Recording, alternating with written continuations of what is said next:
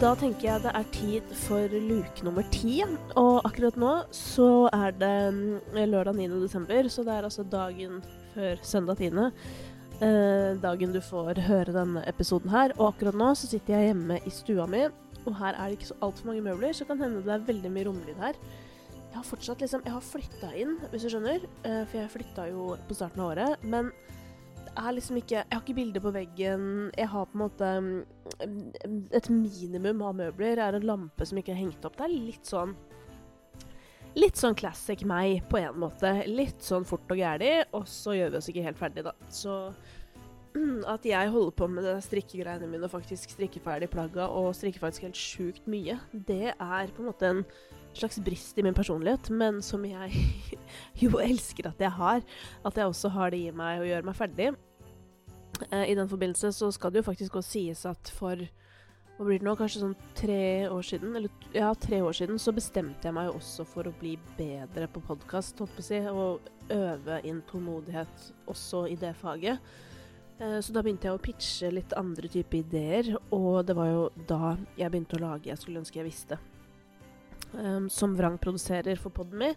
Jeg vet ikke om du har hørt den før, men jeg syns det er fint å tipse om den hvis du har Podme, fordi det er en av mine favorittpodder å høre på. er det rart å si om noe man lager selv, eller? Jeg, jeg syns på en måte ikke det heller, fordi altså, ideelt sett, ikke sant, så skal man jo synes det man lager er så bra at man digger det selv. Og det, jeg er så utrolig glad i det konseptet. Det handler om at um, at flinke mennesker som er kjente, men som gjerne er litt opp i åra, eller ikke nødvendigvis så veldig, men som i hvert fall ikke er på en måte superunge, da, eh, deler tre viktige lærdommer fra livet, og hvordan de liksom kom frem til den lærdommen. Så det er noe jeg kan anbefale deg hvis du har lyst til å høre på noe som varer litt lenger enn disse korte lukeepisodene her, selv om de også er veldig fine. Eh, I dag så skal vi til en låt som jeg har vært litt sånn i tvil om skal med. Men det er jo eh, også låta som er min mest spilte låt i hele 2023. Så det ville jo vært veldig rart å ikke ta den med. Og nå lurer du kanskje på hvilken det er, siden jeg både vurderer å ikke ta den med, men det er den mest spilte. Og jeg tror at grunnen til at jeg eh, er usikker på hvor godt jeg liker den, det er nok at jeg har hørt så mye på den at jeg rett og slett har blitt gørr lei, liksom. Altså, jeg har blitt så lei av den. Uh, og det overrasker meg også litt, for jeg trodde låta jeg snakker om, hadde evig levetid, men det tror jeg da ikke den har allikevel. OK, det var mye bla, bla, bla, bla, bla. Vi skal til Eurovision, og vi skal til Lorraine og Tattoo. Jeg uh, har hørt ekstreme mengder på den låta. Fordi jeg er jo veldig opptatt av Eurovision på generell basis. Og jeg brukte mye tid på å analysere den låta der, og um, etter hvert som hun begynte å fremføre den, så ble jeg jo liksom enda mer forvirra, fordi hun fremførte låta så rart. Hun fremførte den så bakpå. Uh, hvor, altså, hun lå så bakpå vokalt, og jeg følte ikke helt at jeg kjente den igjen fra sånn den var på inspirasjon, og det gjorde at jeg hørte enda mer på den, fordi, ja, sånn er jeg, da. At jeg blir sittende dypt inne i analysen. Og så er det jo et sånn rart parti inni der hvor det plutselig blir litt rolig, som eh, på en måte er et parti som jeg opplever litt rart rent musikalsk. Men da vi så showet til Lorén, og hun vifta med de neglene, så var det jo på en måte som om de hadde nesten lagt inn en liten pause for at hun skulle vifte med neglene. Men eh, det var jo en uh, nydelig opptreden, og herregud, altså Lorén er jo noe helt spesielt. Eh, og jeg må si at um, på tross av at jeg er litt lei av den låta, fordi jeg har hørt så sjukt mye på den. Jeg har også hørt veldig mye på den de få periodene jeg har klart å trene i år. Det er en annen ekstremt stor frustrasjon jeg har. Jeg har fortsatt i dags dato Dette er nesten litt flaut å innrømme, men siden dette er et um, personlig område, og jeg føler sånn dere som har valgt faktisk høre på denne podden hver dag, dere er jo Uh, dere er kanskje ikke min innerste sirkel, det blir å ta i, men i den ytre sirkel så er dere det innerste. og det er sånn, etter jeg fikk barn for ett år og åtte måneder siden, eller hva det er, så har jeg ikke klart å komme i gang med treninga på ordentlig, liksom. Og jeg har jo trent og jobba i Sats i 20 år, så for meg at jeg liksom ikke har fått til det, det er bitte litt sånn skamfullt på en eller annen måte. Men Heldigvis går jeg ikke og bærer på så mye skam, men jeg, jeg, er skikkelig lei meg for det, for jeg skjønner liksom ikke hvordan jeg skal få tilbake treningsgleden. Og det er ikke som om jeg ikke har prøvd. Jeg har prøvd masse forskjellig. Og jeg har prøvd å på en måte være veldig grei med meg sjøl og ikke ha høye krav. Og det har jeg ikke nå. Jeg har ekstremt lave krav. Jeg har til og med vært nede på sånn Ja, ja, bare jeg går 10 000 skritt om dagen, liksom, så er jeg happy. Til og med 10 000 skritt annenhver dag. Og det eneste jeg syns er gøy, og som jeg finner glede i, det er jo å gå i naturen. Og spesielt gå toppturer og sånn. Og det, det, kan jeg gjøre. Og det er jo det som er så sjukt, da. At jeg er på en måte så lat. Men de gangene jeg har vært på tur, som jeg var på Vestlandet tidligere i år, da gikk jeg to toppturer om dagen, liksom. Altså jeg blir For jeg syns det er så digg.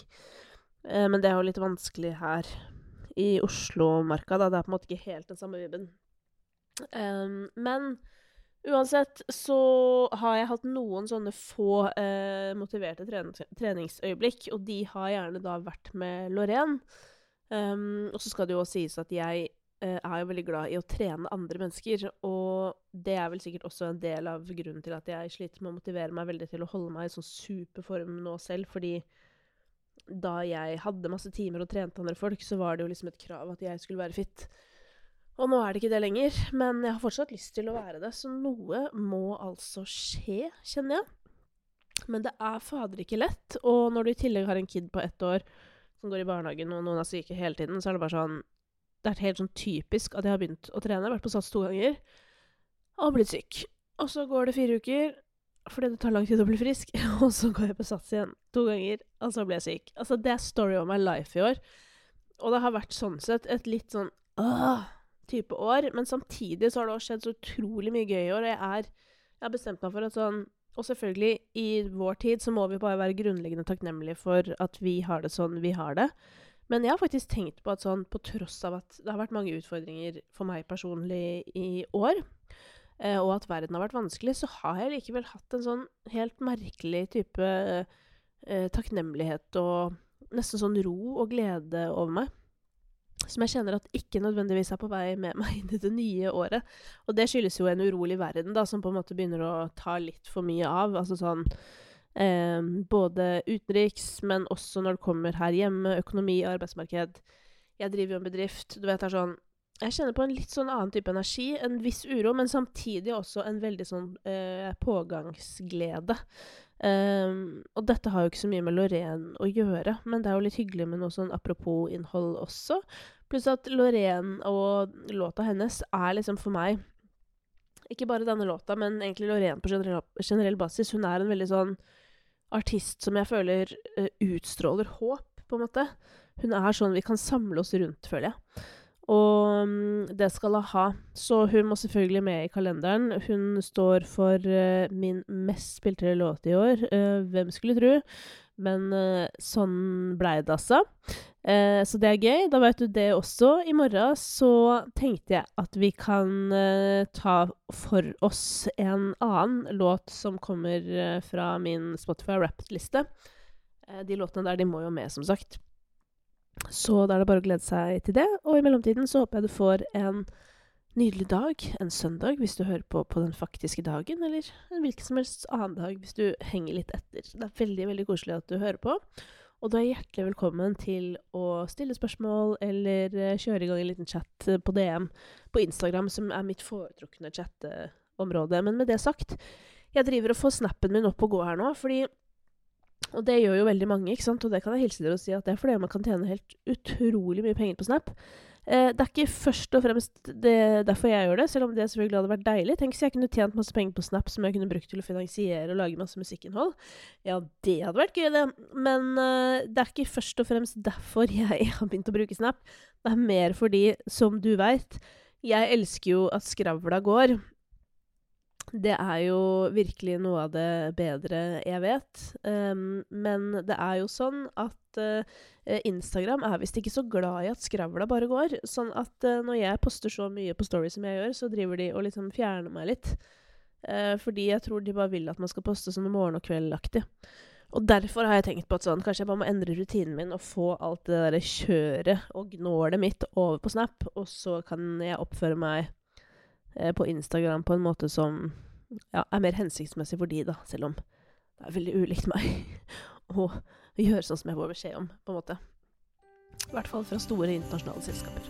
Nei, men vi får se. Men uh, det er bare å søke meg opp på Snap i tilfelle hvis du har lyst på mer, fordi der, uh, det, er, det er den nye rutinen. Ålreit, høres i morgen. Takk for nå.